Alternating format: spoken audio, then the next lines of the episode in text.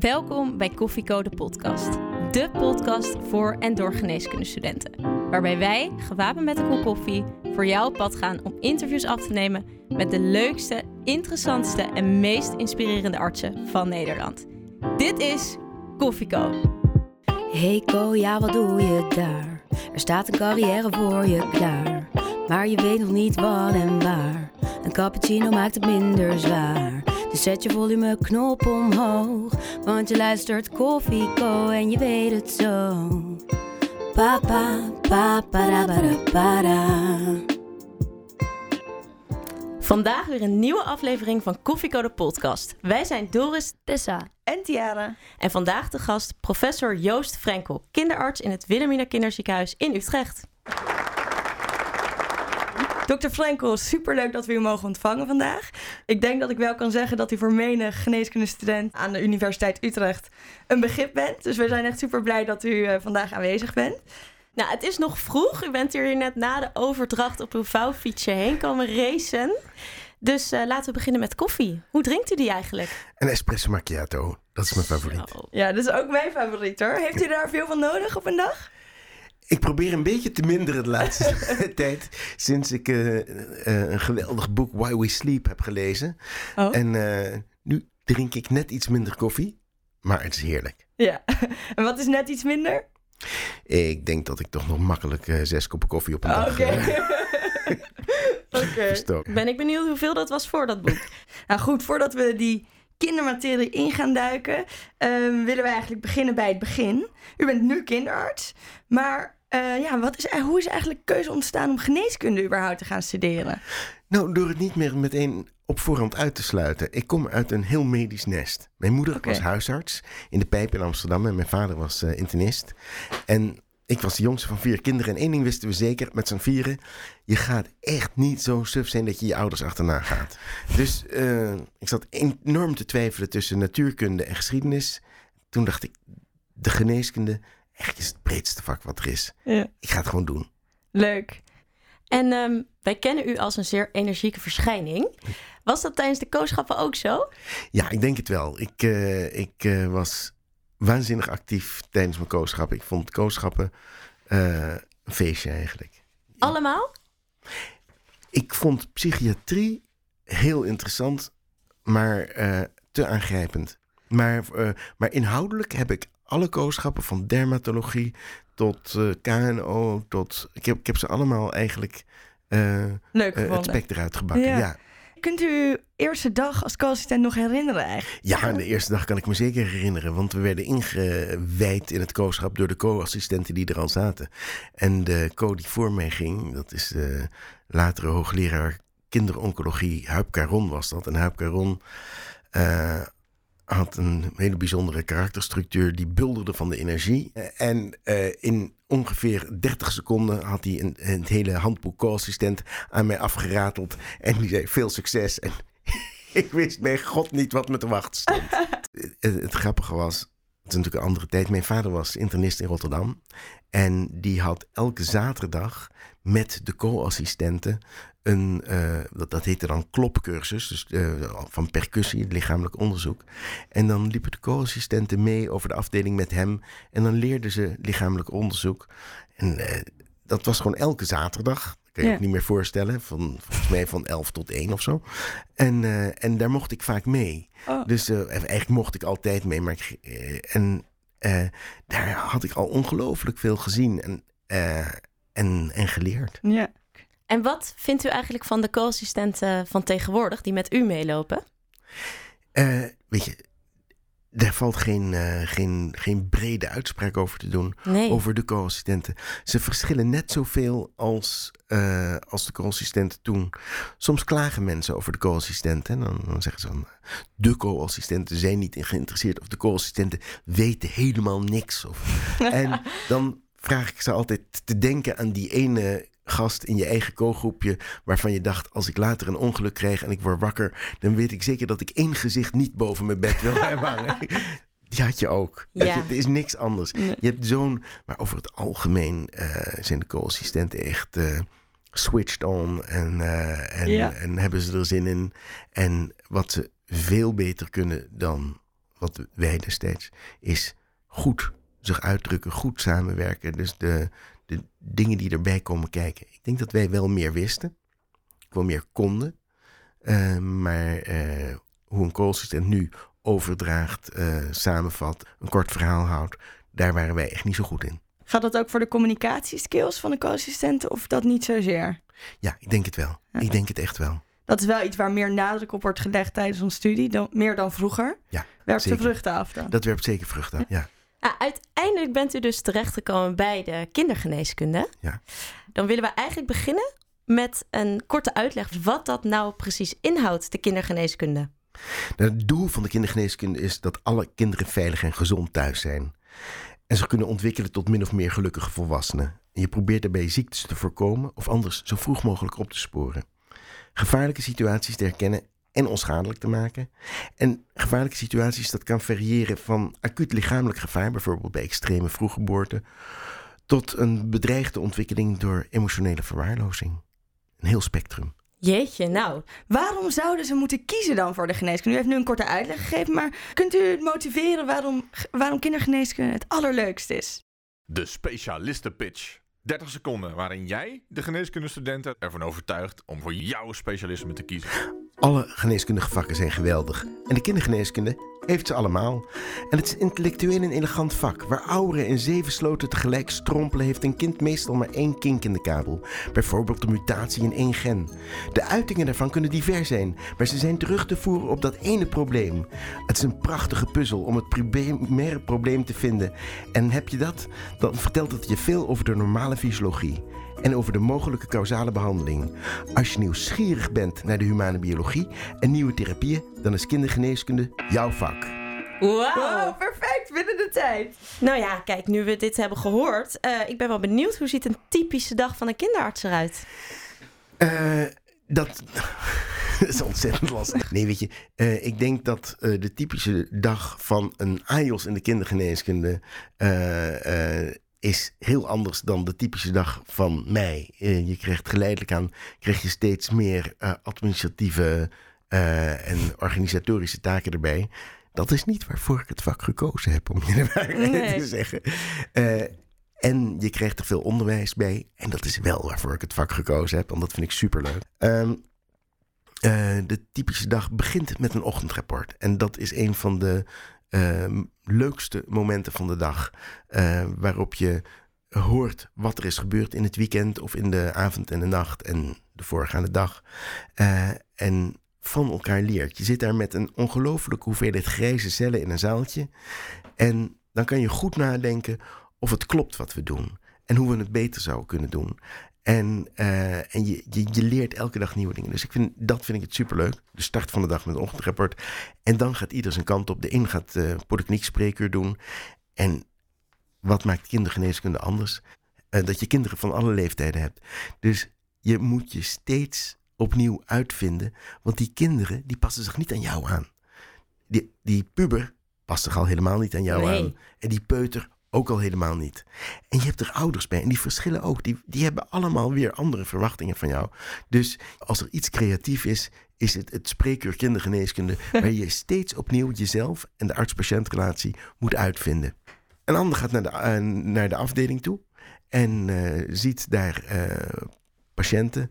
en zorgt daar voor die zieke patiënten en probeert de puzzels op te lossen en de ziektes te behandelen. Uh, ik denk dat dat de twee hoofdtaken van de kinderarts zijn. En dan zijn er nog de diensten met de spoedeisende opvang. Waarbij het uh, zo kan zijn dat je acuut zieke kinderen binnenkrijgt met astma of met een, uh, met een epileptisch insult. Dan komen we bij de kinderarts. Um, of uh, als je ook de neonatologie onder je hoede hebt, word je bij uh, neonatale opvang geroepen en kan daar plotseling een asphyctisch kind onder je. Onder je Zeer dus divers. Dus. Heel divers. Ja, nu heeft het over de patiëntpopulatie, zo net. Dat loopt uiteen, hè? van de puber tot de peuter. Ja, wat is nou, nou tot, de. Tot, van een prematuur tot een puber. Hè? Ja, exact. En wat is de. Ja, welke leeftijd vindt u het leukst om mee te werken? Of voor u het meest uitdagend? Laat me het zo zeggen. Ik vind het. Ik vind alle leeftijden die praten, vind ik geweldig. Die dus, praten, zegt u erbij. Ja, ja, nou, ja die praten. Dat, uh, ik, ik, ben, ik vind baby's en prematuren geweldig leuk en interessant en, en, en, en grappig. Maar ik vind het zo, waar ik het net over had, dat, dat eh, je steeds opnieuw uitvinden. Dat praten met een peuter, dat praten met een adolescent, eh, dat vind ik geweldig. Heeft u zelf eigenlijk ook kinderen? Ja, zeker. Ja. zeker. Die studeren alweer. eh, en eh, ik heb zelfs uit een eerder... Ik ben twee keer getrouwd geweest. Dus ik heb, eh, ik heb grote kinderen die zelf al... Ik heb al een kleinkind zelfs. Wauw. Zo, wauw. Eh, die heb ik gisteren nog gezien. Eh, eh, dus eh, ik, heb, ik heb zeker kinderen, ja. Heeft dat uw kijk op de kindergeneeskunde of het beoefenen van uw vak veranderd toen u zelf kinderen kreeg? In wat voor opzicht? Eh, je wordt eh, bescheidener. Dus op het moment dat je. eh, ehm, nou, op het moment dat je geen kinderen hebt en je krijgt een patiënt op de poli, dan zou je wel eens kunnen denken: hoe kan je zo stom zijn? Ehm, maar als je zelf kinderen hebt, dan weet je hoe het is om nachten achter elkaar niet te slapen. En dan weet je hoe het is. Nou, ik zal je een verhaal vertellen. Ja. Eh, mijn, Ja. eh, mijn, eh, een van mijn dochters was nog geen acht maanden oud. En had zich opgetrokken in de box. En had, terwijl mijn broer oppaste, een stuk van een giftige plant gepakt en opgegeten. Oh, En ze was een van een tweeling. Dus het is altijd een beetje rommelig dan. ja. En we gingen naar het ziekenhuis en ze zei, ja, acht maanden oud. En eh, zichzelf optrekken tot stand. En die, dat klopt niet, dat verhaal. Dat, dat, het is een totaal positief... Alle alarmbellen gingen ringelen, dit, Ja. rinkelen. Dit was echt mishandeling, vergiftiging, misbruik, weet ik veel wat. allemaal. Oh, wauw. Eh, dus ik maakte dat mee, hoe mensen naar mij keken... Ja. als potentieel eh, mishandelende ouder. En mijn dochter werd in een heel klein bedje neergezet... omdat ze zich toch niet kon optrekken vanwege de leeftijd. En de volgende ochtend, dat was nog niet met rooming in... kwamen we terug in het ziekenhuis en zat ze in een hoog spijlenbed. Want ze was uit het bed geklommen. Ja. Eh, dus, eh, maar goed, dat was Toen was er geen twijfel meer bij was een ongeluk. Toen kwamen ze erachter dat het... eh, Dat, dat Ja. het echt dus wel kon. Ja. Maar voor mij is het belangrijk, je weet hoe lastig het is om een ouder te zijn. Je weet hoe lastig het is om medicijnen aan een kind te geven als ze ziek zijn. Eh, het maakt je bescheiden. Dat is eigenlijk dus wel een hele mooie aanvulling voor een kinderarts. Ja, Lijkt me. maar sommige van de aller, allerbeste kinderartsen die ik ken, hebben geen kinderen. Oh, echt? Ja. Ja? Ja. En ehm, ik kan me voorstellen dat u als kinderarts, we hadden het net over al die verschillende leeftijden, misschien wel allemaal verschillende trucjes heeft ontwikkeld door de jaren heen. Om, om het best bij een bepaalde leeftijd het Ja. vertrouwen te winnen van zo'n kind. Ja. Kunt u daar wat over vertellen? Nou, speelgoed helpt. Dus ik heb eh, in mijn eh polykliniek eh, koffertje heb ik eh, een paar kleine ballen zitten. En eh, eh, zonder tegen kinderen te gaan praten, gooi ik vaak gewoon een bal naar ze toe. tegen, en dan kijk ik wat er gebeurt. En het heeft een paar voordelen. Meteen heb je contact met het kind. En het andere is, je ziet de spontane motoriek van een kind. Dus je weet meteen of ze een been minder gebruiken. Of eh, dat ze moeite hebben met eh, lopen of wat dan ook. Dus je ziet meteen heel veel. Het lichamelijk onderzoek is al voor driekwart klaar. Als je, met een, als je ze met een bal hebt zien spelen. Dat Ja. is tijdsefficiënt dus. Ja, zeker. Ja. U heeft allemaal trucjes. Is dat eigenlijk ook het beeld wat de meeste mensen hebben van een kinderarts? Een zo'n stereotype kinderarts is iemand eigenlijk zoals u. Vrolijk, kan goed met kinderen omgaan, heeft van die trucjes, houdt van met ze te spelen. Zijn alle kinderartsen zo? Ik denk dat het mensen verschillen, maar je zult om in dit vak gelukkig te zijn, zul je goed contact kunnen leggen met allerlei soorten kinderen. Hm. Dus wat niet werkt, is eh, arrogantie en een façade ophouden. Eh, en en eh, ja, ik zit even te zoeken naar het, het woord, maar als je op status hangt en eh, daar op, wil, op die manier wilt worden benaderd en behandeld, dan kom je in de kindergeneeskunde na 10 seconden al bedrogen uit. Want peuters en pubers hebben er niks mee. Nee. En die prikken daar onmiddellijk doorheen. En de ouders? Want u heeft natuurlijk, u zei het net al, veel te maken met ouders. Hoe, Ja.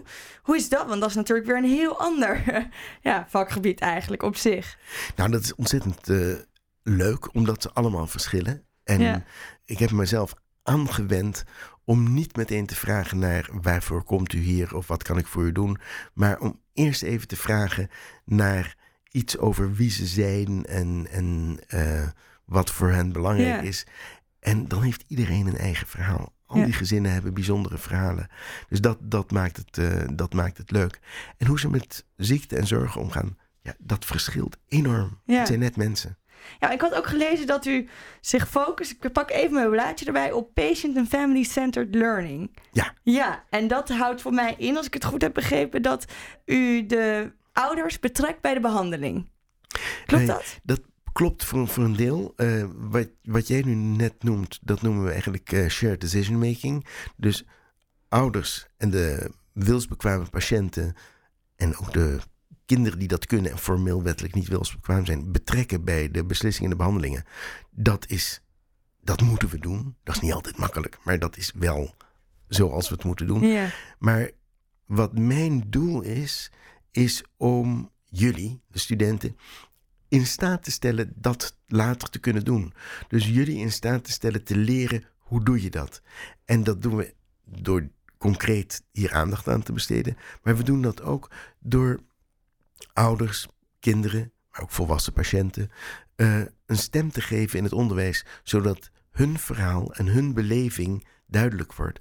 Want als zij hun verhaal vertellen, dan kunnen ze ons laten zien hoe wij in hun ogen functioneren of dysfunctioneren. En dat blijft heel ehm, confronterend, ook voor mij nog. Wat is het meest confronterende, ja, de meest confronterende casus die u ooit heeft meegemaakt? Nou, ik heb heel onlangs eh, kreeg ik een berichtje en ik, ik ben er niet achter gekomen wie dat heeft gedaan. Je bedoelt in dit opzicht confronteren. Ja, precies. Op Zorgkaart Nederland, waar. eh, eh, ja, daar kijken we wel. Oeh, ja. En daar werd ik volledig afgefakkeld. omdat ik een totaal niet zou luisteren, geen aandacht had voor de patiënt en voor het verhaal Oh. van de patiënt. En dat gaf me een machteloos gevoel. Want ten eerste moet er, moet er een kern van waarheid in zitten. Want zo heeft deze moeder het ervaren. Of vader, ik weet het niet eens zeker. Die heeft dat zo ervaren. Dus er moet een kern van waarheid in zitten. En tegelijkertijd is het zo lijnrecht tegenover wie ik hoop te zijn. En wat ik hoop over te dragen aan Ja, studenten. Dat was voor mij, eh, ehm, daar heb ik echt een weekend slecht van geslapen. jeetje, En ja. Ik, ik slaap heel goed. Vooral met die zes koffie. dag. U heeft het nu over, eh, veel over de arts van de toekomst. U wil daar ook graag aan bijdragen. Dat Ja. dat, dat steeds beter eigenlijk wordt. Ehm, en u bent daarom ook opleider. Ja. Eh, waarom selecteren jullie nou bij de kindergeneeskunde? Eh, voor de opleiding tot kinderarts selecteren we op diversiteit. Althans, dat proberen we. Ik geloof er niet in dat er één mal is waar mensen in moeten passen en dat we allemaal precies hetzelfde type kinderartsen moeten hebben. Want waar je aan behoefte hebt, nu al, is aan teams, aan mensen die elkaar aanvullen. Dus je hebt nodig eh, eh, briljante onderzoekers, je hebt goede docenten nodig, mensen die in staat zijn om een groep in een ziekenhuis door een moeilijke periode heen te loodsen. En af en toe, eh, je hebt mensen nodig die keihard kunnen onderhandelen met de verzekering. En af en toe heb je zelfs een soort autist nodig die zorgt dat alle roosters precies helemaal kloppen en iets briljants doet, waardoor alles veel prettiger en efficiënter gaat. Ja. Dus je hebt verschillende soorten mensen nodig. Ja. Mannen en vrouwen. En eh, en als wij alleen maar mannen of alleen maar vrouwen zouden hebben, ook dat is niet goed. Want hoe is de verhouding nu? De verhouding nu is ongeveer 80% eh, vrouwen, eh 20% mannen. Dat- Worden mannen dan ook makkelijker aangenomen voor de opleiding? Eerlijk? Ik- het eerlijke antwoord is dat als ze echt even goed zijn als een vrouw, dan zou de, voorkeur naar een man uitgaan. Dat Ja, is de deal ja. die we. Oké. In gelijke geschiktheid zou een man aannemen. Ja. Het, het ellendige is, die vrouwen zijn zoveel beter. ja, maar dat is dat moedergevoel, hè, met kinderen. Ja. Nee, dat is het niet alleen. Nee? niet alleen nee, nee, nee, nee, nee. nee. Wat, wat is het dan? Ik denk dat, eh, eh, dat vrouwen over het algemeen echt heel eh, geconcentreerd op hun vak zijn en, en heel zorgvuldig werken. En wij hebben een vak waar zorgvuldigheid echt wel belangrijk is. Je, het gaat tenslotte om andermans kinderen. ja. En dan zegt het gaat over andermans kinderen. Eh, ja, neemt u dat dan wel eens mee naar huis als er iets fout gaat? Eh, neem ik het mee naar huis? Eh, dat eigenlijk niet. Niet dat ik erover wakker lig, over lig te piekeren. Nee. Maar ik denk er wel heel goed over na. En er, weet je, het is mensenwerk. Hm. En we doen ons best. Maar we maken voortdurend foute of suboptimale beslissingen. En daar moet je over nadenken. Maar dat maakt het vak ook mooi, dat je, dat je erover nadenkt en dat je, dat je het beter doet. Maar er zijn soms incidenten waar ik heel uh, lang over nadenk. Dat is ook de reden waarom ik zowel bij de kindergeneeskunde als UMC Breed een retrospectiebespreking heb ingevoerd. Die, uh, dat doen we UMC Breed vier keer per jaar. Ja. En dan gaan we echt met de mensen die een incident hebben meegemaakt en een zaal vol AJOS, verpleegkundige specialisten, gaan we de boel fileren en kijken wat kunnen we hiervan opsteken. En we hebben het nu over de negatieve dingen en de, zwaar, de zwaardere dingen ook. Misschien een ja, persoonlijke vraag, maar heeft u wel eens gehuild om ja, een, een bepaalde casus of een bepaalde situatie waar u bent in beland? Ja, uh, niet vaak overigens. Uh, maar als je intensief bij een uh, overlijden van een kind betrokken bent, dan gebeurt dat gewoon. Ja. Ja. Alleen, uh, maar het is niet vaak. De tranen liggen bij mij niet, uh, niet... niet hoog. Gelukkig maar. En als je dan uiteindelijk binnen bent in de opleiding, hè, hoe ziet die opleiding er dan eigenlijk uit? Uh, het begint zo dat je anderhalf jaar naar een niet-academische opleidingskliniek gaat. en daar doe je polykliniek en veel opvang van pasgeborenen en wat afdelingswerk.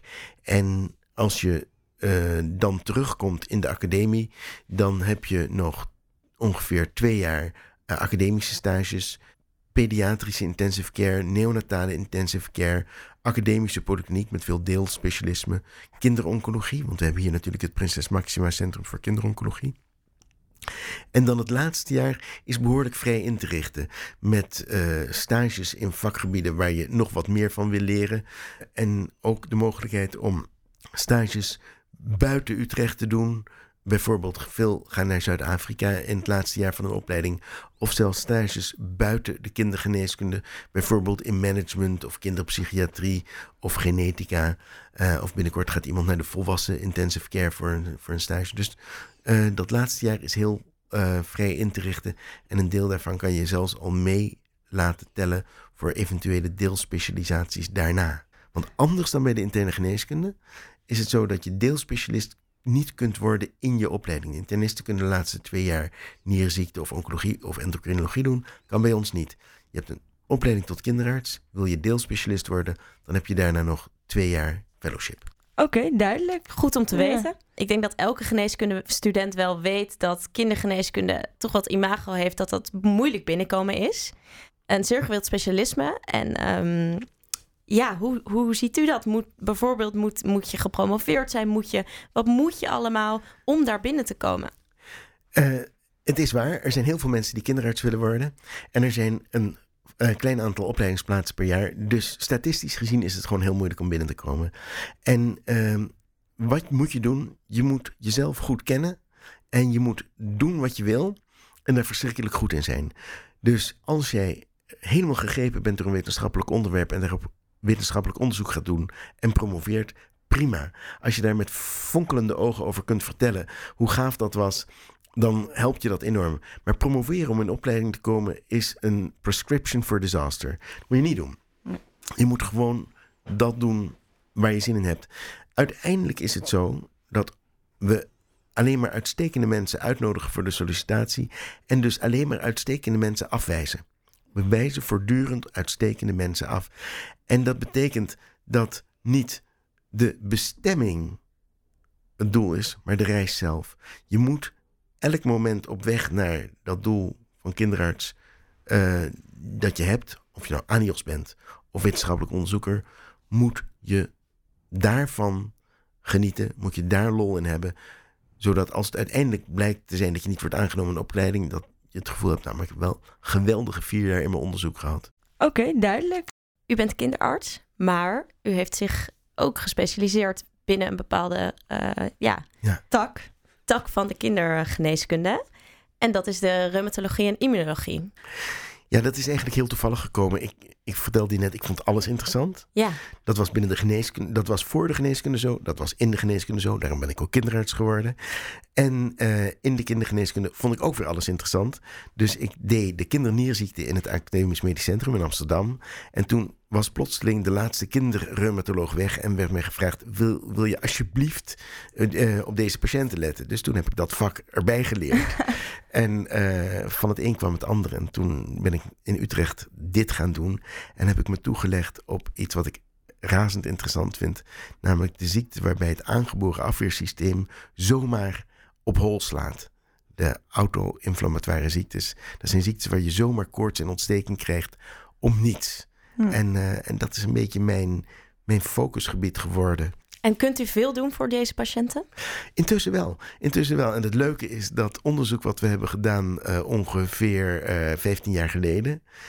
echt van belang is geweest voor hoe deze patiëntengroep nu effectief behandeld wordt. En hoe ziet u eigenlijk in het algemeen, hè, voor de kindergeneeskunde... en dan misschien met in het bijzonder de kinderreumatologie, eh, de toekomst in?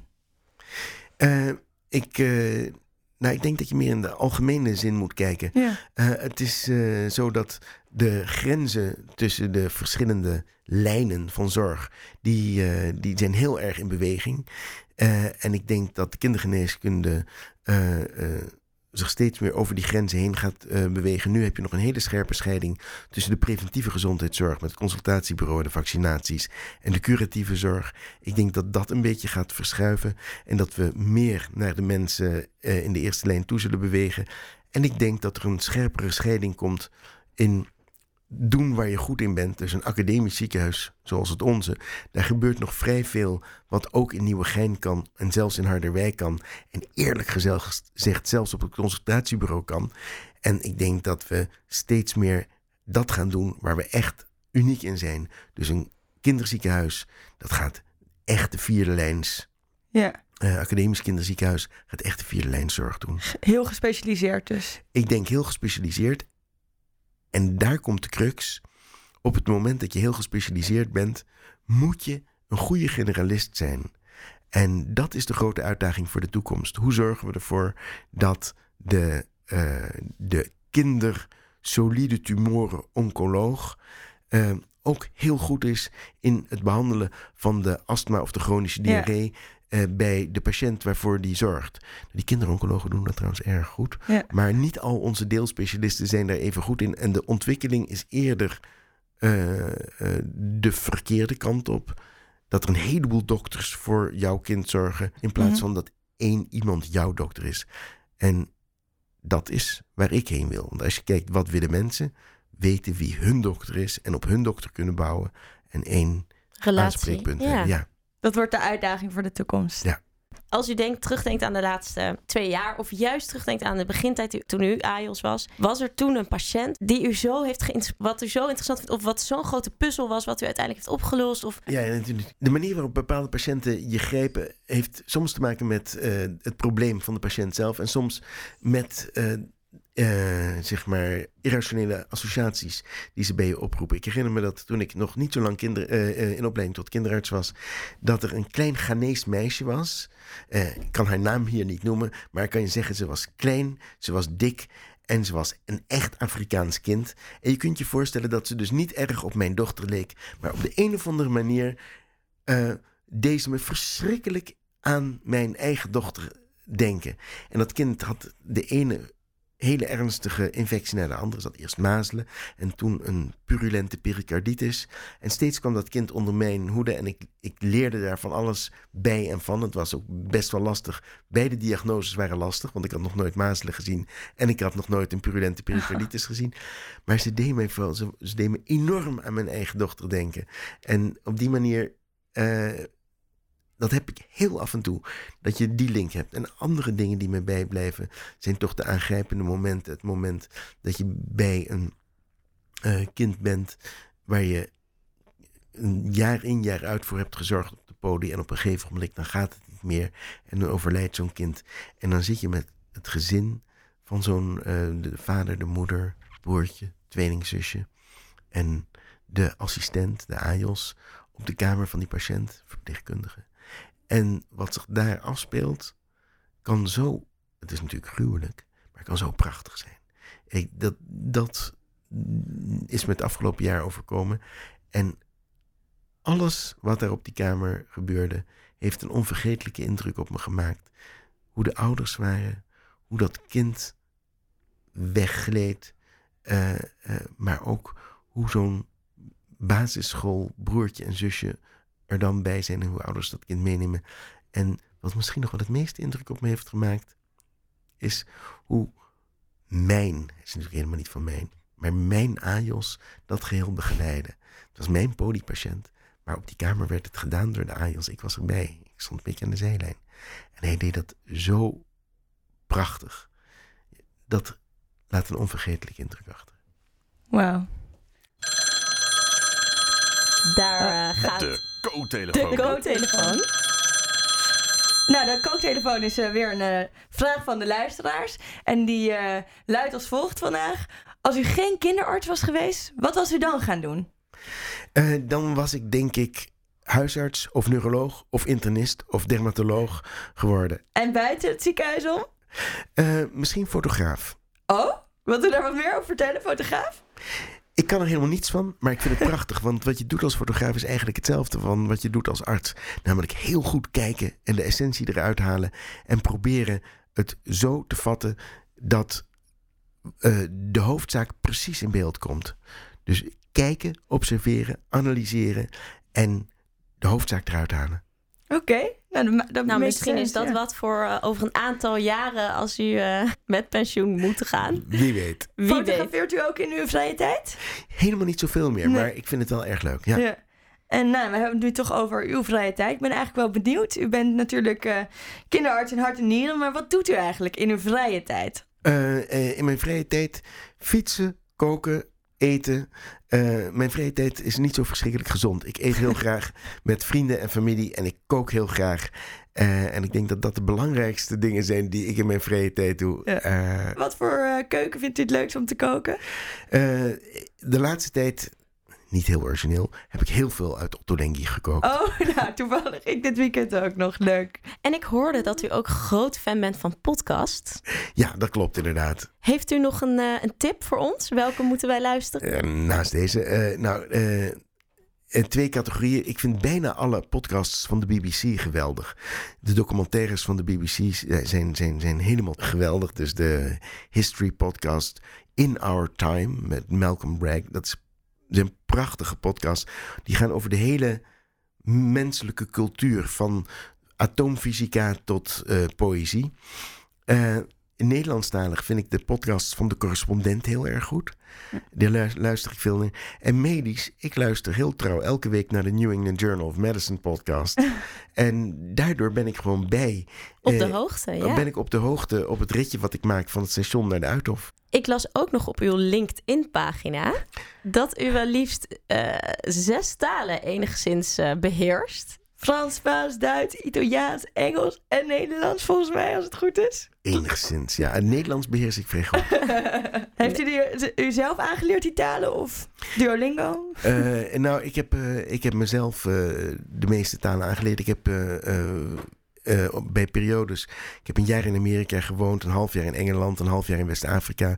Dus dan leer je Oh. echt al Engels. Eh, en, eh, en de andere talen heb ik inderdaad mezelf aangeleerd. Ik. als 15-jarige fietste ik al met een vriend door Frankrijk heen. Op de racefiets vanuit Amsterdam. Hij sprak geen woord over de grens. En ik kende alle onderdelen van een fiets in het Frans. Want ik dacht, we moeten wat. Dat was in een tijd dat Frans echt niks, behalve Frans, Ja. konden of wilden spreken. Dus, eh, Ja. eh, dus zo heb ik mezelf Frans geleerd als fietsende tiener in Frankrijk. Oh, wat leuk zeg, ja. Ik ben ook nog wel benieuwd als eh, misschien kleine afsluiter. ehm, wat ziet u nou als hoogtepunt van uw carrière? Wow. Eh, ja, dat. Ik, ik vind dat lastig. Ik, ik heb gewoon afgelopen jaar met mijn oratie. eh, heb ik een geweldig jaar gehad. Dat was enorm feestelijk. Maar ik vind eigenlijk bijna elke dag eh, op mijn werk geweldig. Dus ik, eh, ik, als ik een, een, een hoogtepunt zou moeten, moeten bedenken, dan, dan denk ik dat dat inderdaad de feestelijkheden rond, rond mijn benoeming zijn geweest de afgelopen jaar. Omdat het eh, zo geweldig was wat de eh, assistenten en collega's voor me hebben gedaan. Maar Ja. eh, nee, ik, ik, ik denk dat ik wel heel veel hoogtepunten in mijn carrière heb. Nou, dus eigenlijk het feit dat u elke dag met een glimlach naar werk kan gaan, is een hoogtepunt. Ja, Ja. absoluut. En ik hoorde eigenlijk eh, ook dat u bij uw relatie zelf een podcast heeft gekregen. Klopt dat? Dat is een hele pijnlijke vraag. Ja. Eh, ja, ik heb, eh, ik, ik heb gekregen dat ik zelf een podcast mag maken. Maar eh, wat wij hier doen, dat ligt me goed. Jullie stellen me vragen en ik geef antwoord. Maar om zomaar een heel uur uit het niets te moeten vullen, dat levert mij een compleet writersblok op. dus dat, dat, dat moet ik nog even aan wennen aan dat idee. ik heb u ook nu een paar keer gehoord over het feit dat u eh, uit Amsterdam komt. Ja, Bent u een ras Amsterdammer? Ja. Ja? Maar Hoe woont u in Utrecht of in Amsterdam? Amsterdam. Maar dat geeft me ook de mogelijkheid om naar die podcast te luisteren elke dag. Op weg in de auto of trein? Ik, de vouwfiets die je net zag, dat is de, daarmee ga ik in principe in de trein. Of af en toe Ja. rijd ik met een collega mee en dan gaat hij in de achterbak. En hoe Oh. laat staat u dan op? Eh, kwart over zes. Moet wel zwaar zijn in de ochtend, of niet? Koffie. ja, koffie. Heel veel espresso macchiato. Nou, dan is de cirkel weer rond. Ja. Ik denk dat wij nu verder gaan naar het doktersdilemma. Waar u zo snel mogelijk antwoord moet geven op twee vragen die wij u stellen. Twee opties. Dus laten we ermee beginnen. Bent u er klaar voor? Ja. Ja? Het doktersdilemma. Het leven bestaat soms uit lastige keuzes. Denk niet te lang na en geef snel antwoord. Kleuters of pubers? Pubers. Muziek of film? Muziek. Plastische chirurgie of huisarts? Huisarts. Binnen of buitenland? Buitenland. Londen of Amsterdam? Amsterdam. Onderzoek of onderwijs? Onderwijs. Vaders of moeders? Moeders. Podcast of podcast? Eh, podcast. Nou, Yes, dat was hem. Dat was hem alweer. Ja, u zei pubers, ja, daar hadden we het eigenlijk al over gehad. Hè? Dat u dat eh, makkelijker vindt om mee te praten en interessanter. En bij muziek of film zei u muziek. ja, maar dat was een... eh, ja, ik denk toch wel muziek, ja. Ja, Ja? ja, ja. Wat voor muziek houdt u van? Eh, ik hou eh, van eh, uiteenlopende muziek. Maar bijvoorbeeld laatst tijd heb ik veel naar Hindi, eh, Hindi hits geluisterd. En eh, Ethiopische muziek heb ik veel geluisterd. Maar ook eh, de laatste eh, nummers van de Nederlandse cabaretière Merel. We gaan Oh, het hier voor de podcast niet eh, letterlijk ik herhalen. wou het zeggen. nee, maar weet je, ik, ik, ik heb echt... Maar hele aparte muziek, dus Ethiopische muziek. Ik denk niet dat ik daar ooit zelf naar heb Oh, dan kan ik je, nee, maar dan kan ik je wel goede Recommendation. recommendations geven. En klassieke muziek. Ik vind, eh, ik vind eh, muziek van Antonio Soler en Rachmaninoff prachtige pianomuziek. Vind ik, ja, daar kan ik echt enorm van genieten. En tijdens die muziek met tekst, zingt u dan uit volle borst mee? Nee, Nee. nee dat, dat niet. Ten eerste is mijn Ethiopisch niet zo goed. Dat moet ik nog even leren. Nou, nee, dat, dat gaat hem niet worden. Nee. Ik wil toch nog even terug naar de kleuters of pubers. Hoe wint u nou eigenlijk de harten van pubers? Daar hebben we het nog niet over gehad.